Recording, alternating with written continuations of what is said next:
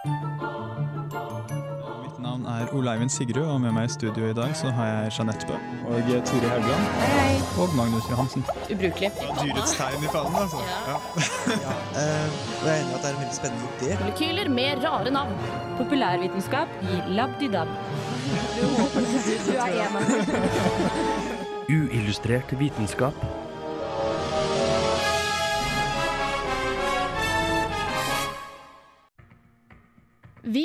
Uillustrert vitenskap er ikke akkurat kjent for å være så altfor interessert i ski-VM. Men når utøverne skal ha på såkalte intelligente klær, så vekkes interessen. Litt. Mer om intelligente klær og bl.a. mark med bein og sammenhengen mellom kongler og dinosaurer vil du få høre i ukas utgave av Uillustrert vitenskap.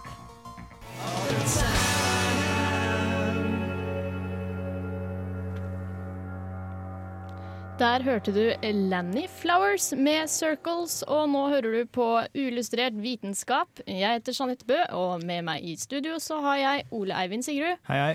Turi Haugland Hei. og en gjest. Ho-ho. Spennende. Vilde Salvesen. Hei. Eh, Da spør jeg deg, hva, hva gjør du her? Jeg er i praksis i Radio Revolt. Så spennende. Ja. Eh, Men praksis, eh, hvor holder du til ellers? Eh, Skjeberg folkehøgskole. Radio- og TV-journalistikk. Hvor er Skjeberg?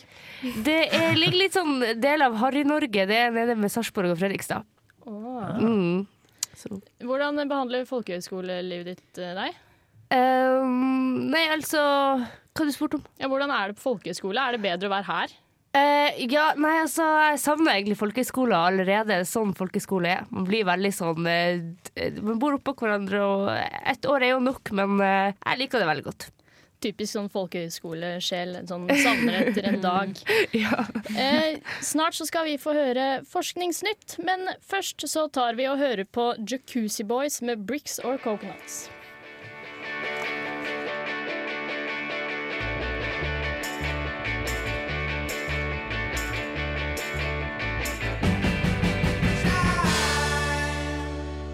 Radio Revolt.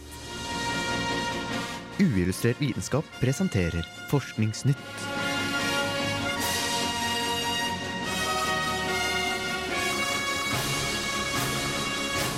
Forskningsnytt. Astronomer ved universitetet i Alberta har fått et glimt av hva som foregår inni en nøytronstjerne. De oppdaget at kjernen inneholder et superfluid. En friksjonsløs, væskeaktig fase med svært merkelige egenskaper. Kjernen inneholder også en superleder. Og i og med at kjernetemperaturen er millioner av grader varm, er det den høyeste temperatursuperlederen vi hittil kjenner til. Nøytronstjernen de observerte, befinner seg 11 000 lysår fra jorden, og ble observert for å undersøke et plutselig fall i nøytronstjernens overflatetemperatur. Temperaturfallet forklarer forskerne med at kjernen nylig gjennomgikk en forandring til superfluid fase, og avgir store mengder varme som nøytrinoer.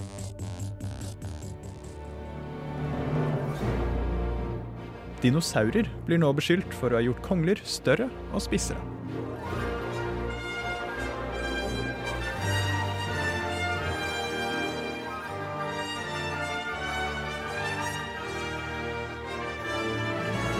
Bartrær har to typer kongler.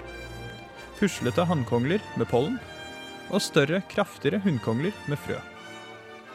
Slik var det også før i tiden, men paleobotanist Andrew Leslie ved Yale la merke til at begge kongletypene var små og slanke, som nåtidens hannkongler. For å finne ut hva som fikk hunnkonglene til å vokse, sammenlignet han rundt 70 fossilkongler med kongler fra mer enn 200 nålevende arter. Antagelsen hans stemte. Hunnkongler har blitt større. Men det er ikke frøene som er blitt større, kun de beskyttende skjellene.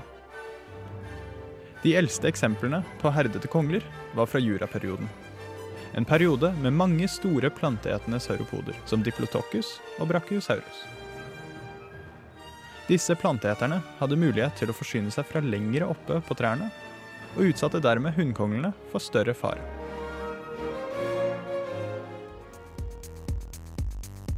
Et nytt ledd i evolusjonen av leddyr er oppdaget. Dyret som kalles den vandrende kaktus pga. sitt piggete utseende, Diania cactiformus, tilhører gruppen Lobopodia, en gruppe utdødde dyr som ligner mark med ben. Det som gjør cactiformus så oppsiktsvekkende, er at den har ben med ledd. Mange forskere har lenge spekulert at leddyrene, som insekter, edderkopper og krepsdyr, ble utviklet fra lobopodene. Men hittil har man ikke hatt et eksemplar på en lobopod med ledd. Det har man altså nå.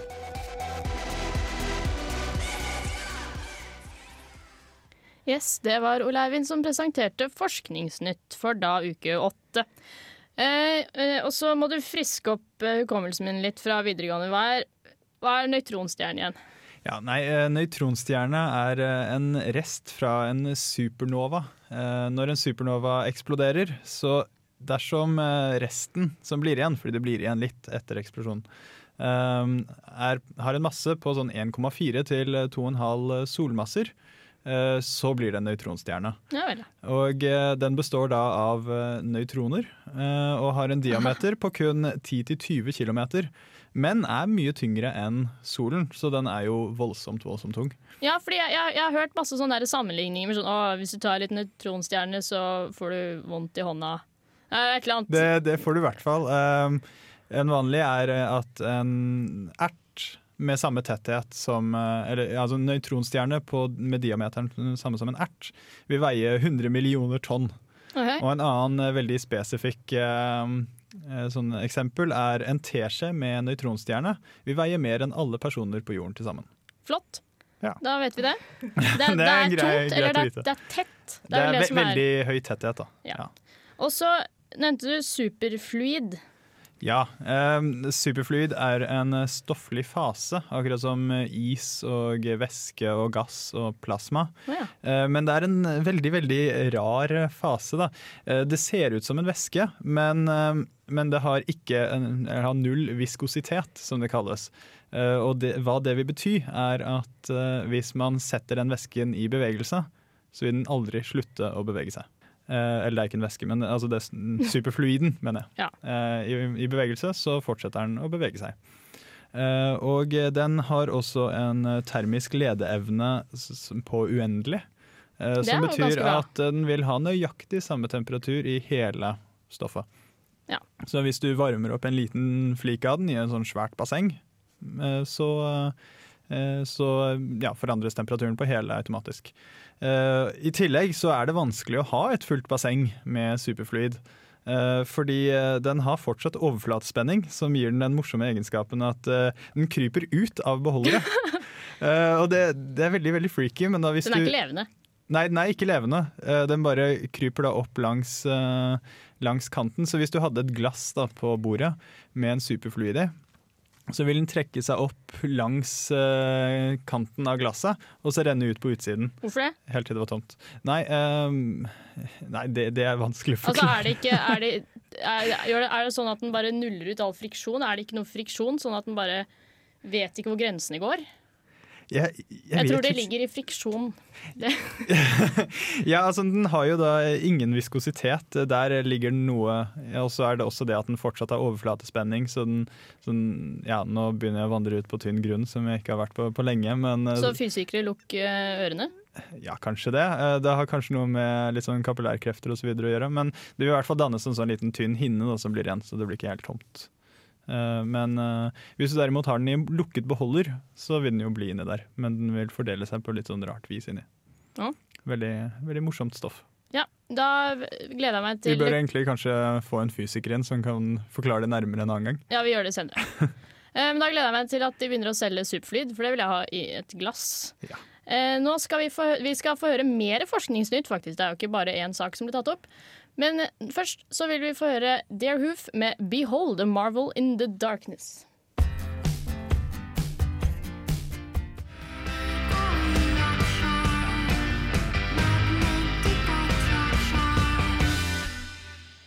Ja, jeg eh, glemte i sted å spørre om Fordi eh, vi fikk en liten oppvisning i stad eh, om eh, angående nøytronstjerner, for de av dere som har glemt hva det er. Men hva, hvilken nøytronstjerne var det det var, nå var snakk om, og hvorfor var den så veldig spesiell? Nei, eh, det var jo eh, Cassiopeia A, som den heter. Hva sa, hva sa du igjen til? Cassiopeia A. Ja. Eh, det er den sterkeste radiokilden på himmelen. Eh, Radiokilden? Radiokilden, ja, den sender ut radiobølger. Er det noe gøy å høre på der, da? Neppe. Det, jeg vil anbefale Radio Revolt isteden. Men det som er interessant, da, utenom det, er at den er kun 330 år gammel. Eh, Og eh, da får jo forskere som observerer den, en sjanse til å kunne observere en nøytronstjernes livssyklus da, helt fra, eller nesten helt fra starten og utover. Og det er jo selvfølgelig ganske spennende. Og som jeg sa i forskningsnyhet-reportasjen, så um, observerte den akkurat nå eh, for å finne ut hvorfor den plutselig mistet masse. Da. Ja. ja. Mm. Eh, du tok også opp eh, dinosaurer og kongler. Eh, hva er det som, eh, hvorfor ble konglene så, så barske? Nei, eh, de fant jo da ut at det, var, det skjedde i juraperioden. Og i juraperioden så var det jo også alle disse store som brachiosaurus og disse svære planteetende dinosaurene. Og de er jo ganske mye høyere enn de dyrene som fantes før dem. Eh, Da gikk de fra sånn, i hvert fall én meters eh, høyde i spising på trær, til å spise sånn fem meter opp i trærne, minst. Eh, Fordi det er fortsatt litt diskusjon da, om strakk de nakkene sine opp for å spise i toppen av, av treet, eller bare spiste de sånn som de sto. Men i hvert fall, da kunne de jo spise mange flere av de konglene, og da måtte de utvikle litt sånn forsvarsmekanismer, sånn at de ikke blir spist. Og da ble de større og hardere. Men er, er det her hele forklaringa på eh, at de er så store og harde? Nei, um, det er jo eh, litt sånn god eh, sammenfall da, i tid når konglene ble større og disse dinosaurene fantes. Men uh, man kan jo ikke utelukke f.eks. de tidlige fuglene og uh, pattedyrene som uh, fantes på den tiden. Eh, og eh, så må det jo nevnes at eh, fossiler er jo ikke en fryktelig god kilde til å bestemme hvilke arter som spiste fra trærne. Nei. Det er vanskelig å si. Så vi kan ikke utelukke noe annet, men ja. Det er spennende. Og så var det dette her med, med, med leddyr og markbein. Eh, det, det var helt noe sånt som Diania cactiformis. Veldig søtt. Fortell Ja. oss om Diania. Ja, det er en såkalt eh, lobopod, eh, som da fantes for 500 millioner år siden. Lobopoder de eh, ser ut som eh, mark med myke ben. Eh, ikke helt ulike fløyelsdyr eh, som finnes nå, hvis folk kjenner til dem. De er ganske søte. Eh, Jeanette syns de Nei, er er forferdelige, eh, men eh, smak og behag. Den hadde da ti par ben, og eh, det som gjør den litt eh, spennende, er at de benene var leddete. Så Altså det var hadde en mark med leddbein? Ja. Men Hva forteller det her også om utviklingen av leddyr, da? Nei, det er nettopp det, da. Fordi man har jo ment at Eller mange har ment at leddyr utviklet seg fra lobopodene. Eh, Men man har ikke hatt noe sånn Det har vært en slags missing link, ikke at man egentlig skal si det, fordi det er jo litt sånn teit betegnelse. Men eh, det, nå fant vi jo da denne lobopoden med leddete ben. Og eh, det er jo en fin mellomting. Og så er det jo interessant å vite om hvordan leddyr oppsto, fordi leddyr er jo 80% av alle kjente levende dyr er jo leddyr, så det er greit å vite litt mer om dem. Og det man også kan kanskje spekulere i, da, er at leddyr kanskje fikk eh, harde ben før de fikk eh, Men ja, hadde myke kropper da, eh, i begynnelsen. Eh, fordi det hadde da i hvert fall eh, kaktiformus. Og den gir oss også litt sånn innsikt i, eh, i den dannelsen av eh, alle disse nye artene som skjedde for 530 millioner år siden i den såkalte kambriske eksplosjon. Ja, Den gode gamle Ja. Hva er det? Kambriske eksplosjon, da dukket det opp forferdelig mange nye arter, sånn veldig sånn plutselig da i geologisk tid. Det skjedde jo da over ganske mange millioner år, så, så plutselig var det ikke, men i geologisk tid veldig plutselig masse nye arter. Ja. Um, ja. Nå skal det jo sies at dette er første av tre viktige skritt da, i evolusjonen av leddyr. Um, og da forskerne håper på å finne da lobopoder med henholdsvis leddyrhode og leddyrkropp også. Æsj. Så har man en fin, jevn kjede. Men eh, ja, vi får sitte og vente litt på det. Eh, I starten av sendinga i dag så snakka jeg litt om at vi plutselig har blitt VM-interessert. Det er veldig rart. Eh, du får høre litt mer om det etter annet Don Coneo med Ai Gatita.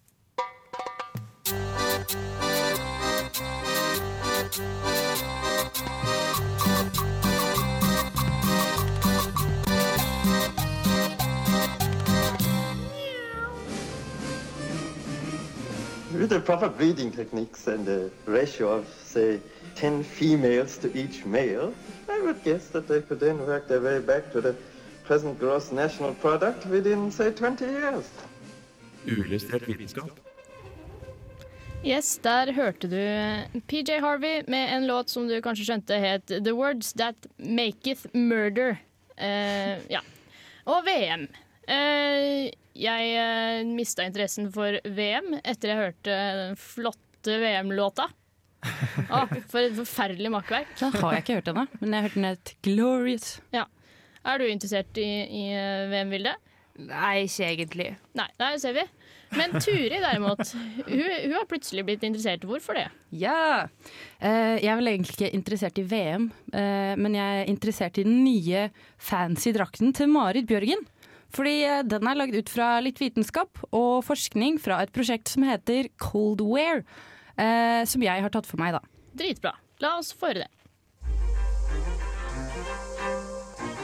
I et omfattende samarbeidsprosjekt på tvers av konsernmiljø i Sintef og industripartnere som Janus og Swix, skal det utvikles intelligente klær og instrumentering for det kalde og harde været i nordlige strøk. Prosjektet går under navnet Coldwear.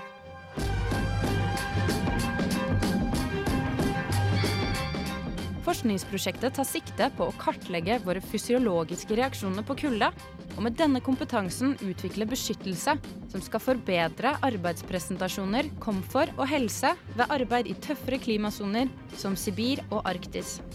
Men prosjektet har også et annet mål å utvikle teknisk bekledning til våre norske vinteridrettsutøvere. Allerede forrige uke testet Marit Bjørgen den nye langrennsdrakten for NRK.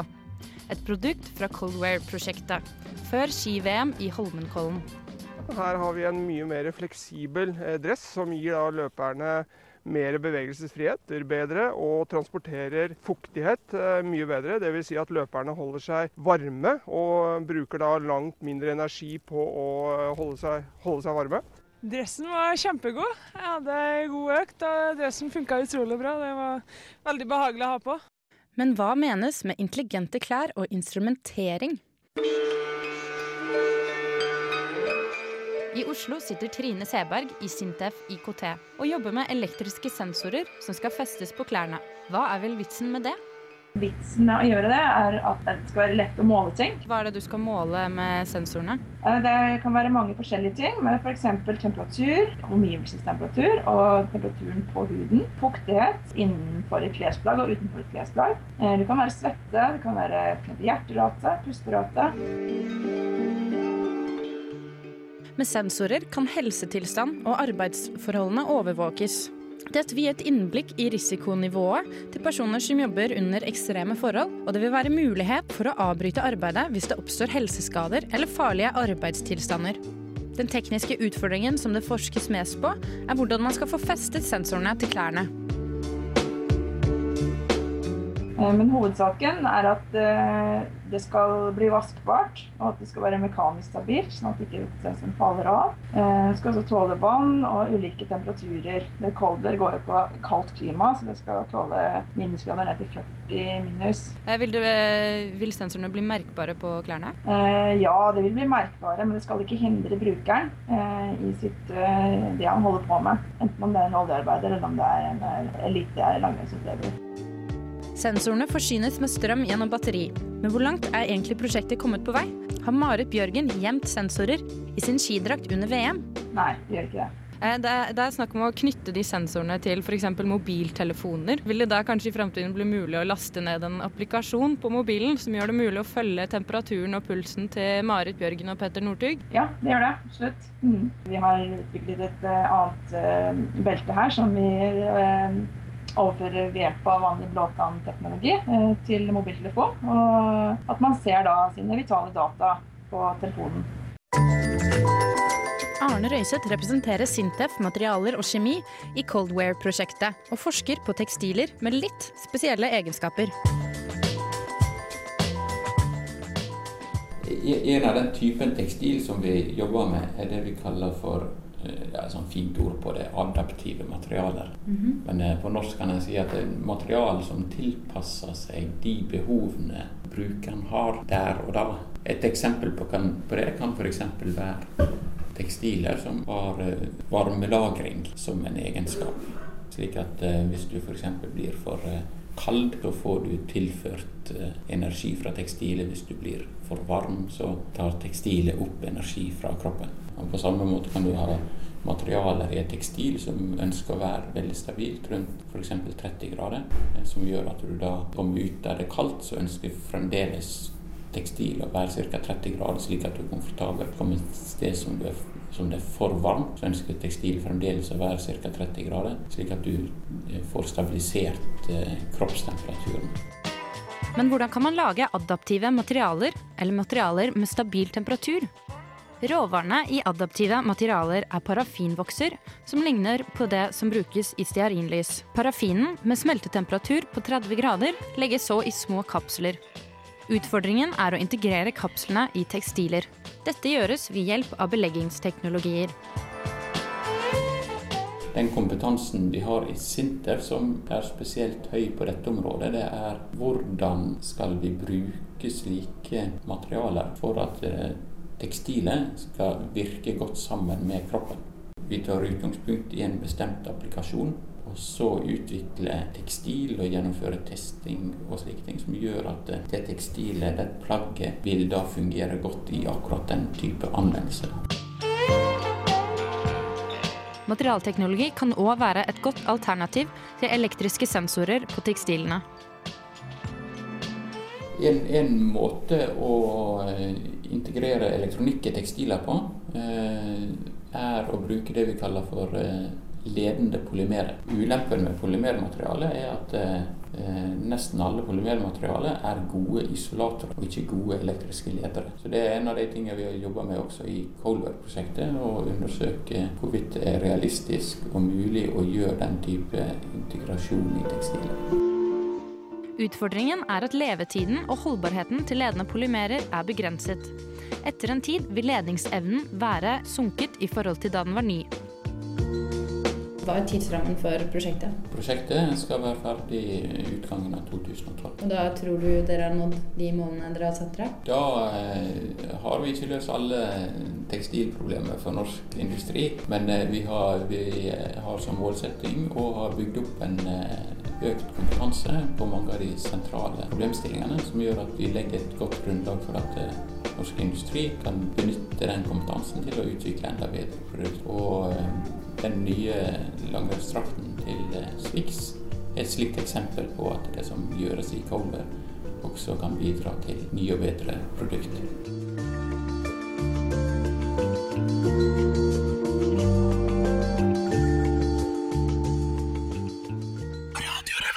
Ja, det var eh, VM-draktprat fra eh, Turi der.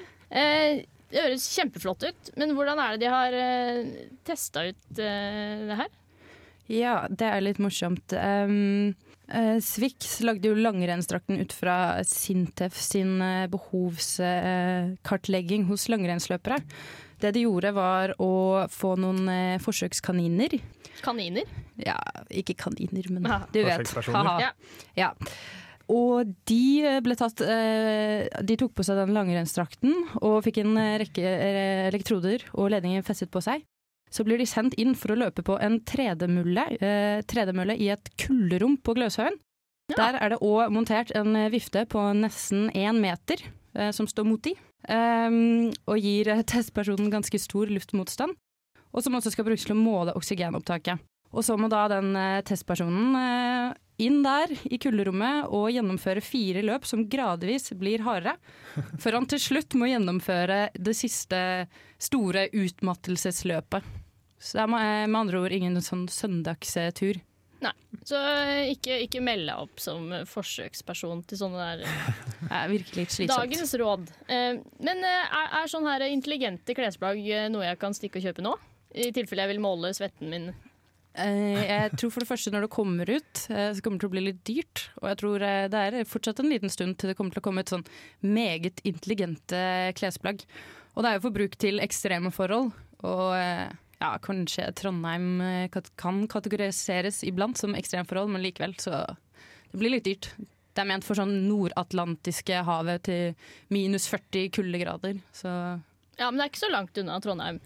Eh, Men jeg, jeg, du snakka litt om en eh, sånn eh, mobilapp. Det hørtes dritpraktisk ut. Eh, Hva, hva er det vi skal, eh, skal med den? Er det Ja, det er snakk om å eh, feste sensorer da, på klærne for å kunne kontrollere helserisikoen når man jobber ute i ekstremvær. Um, og eh, det de da også kan gjøre, er å feste disse sensorene på Marit Bjørgen sin skidrakt. Og så kan du ha sånn Bluetooth på sensorene som kobles opp til eh, mobiler. Med andre ord så kan du laste laste kan ned en applikasjon. Ja, og uh, da kan vi lese av pulsen til Marit Bjørgen, temperaturen, svettenivået og ja, what not. Jeg kunne godt tenkt meg vitenskapsbaserte klær, men eh, jeg har ikke lyst til å se ut som en skiløper. Kommer det vanlige klær med den teknologien? Forhåpentligvis fremtiden gjør det det. Oh.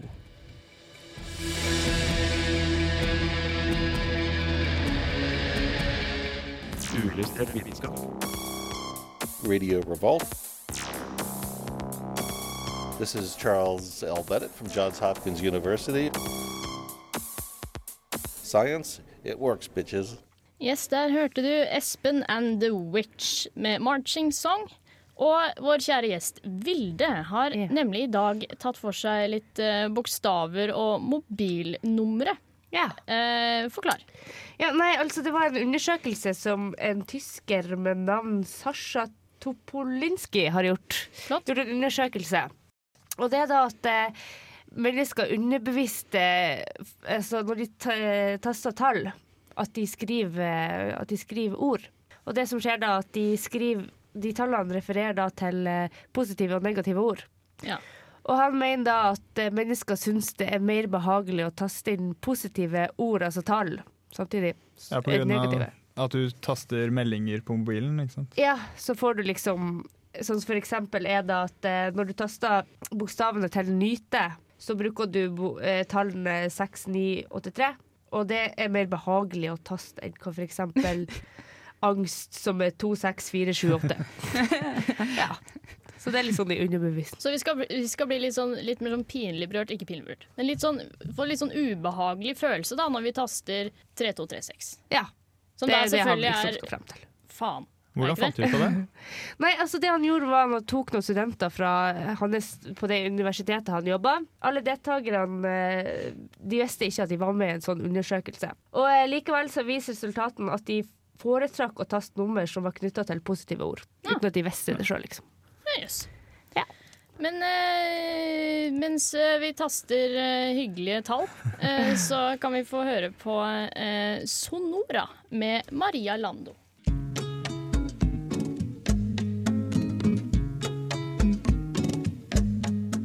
Ja, da begynner vi å gå mot slutten her i Illustrert vitenskap, eh, er jeg lei.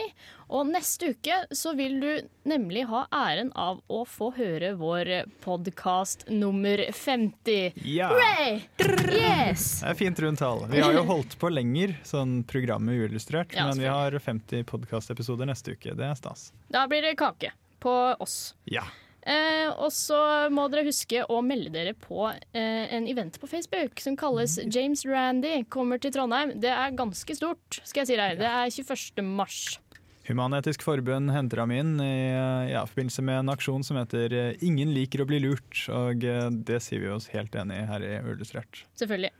Eh, vår kjære venn Vilde skal ikke forlate dere med det første, fordi hun skal også være med i Filmofil. Og der har du anmeldt en film. Hvilken er det? Eh, 'Fjellet'. Norsk, ny norsk film.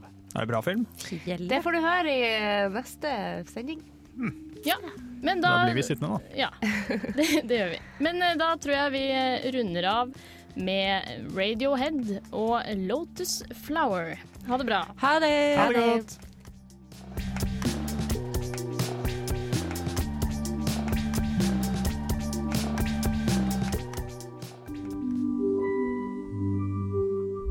Uillustrert vitenskap er Midt-Norges eneste teknologimagasin på lokalradio. Og vi snakker om alt fra populærvitenskap til sære forskningsprosjekt ved NTNU. Radio Revolt, studentradioen i Trondheim, er stolt av å kunne presentere podkaster fra de aller mest populære programmene våre. Hvis du har lyst til å høre mer fra Radio Revolt, hvem vi er og hva slags musikk vi spiller, så kan du høre oss på FM-båndet i Trondheimsregionen, eller streame sendingene våre live på radiorevolt.no.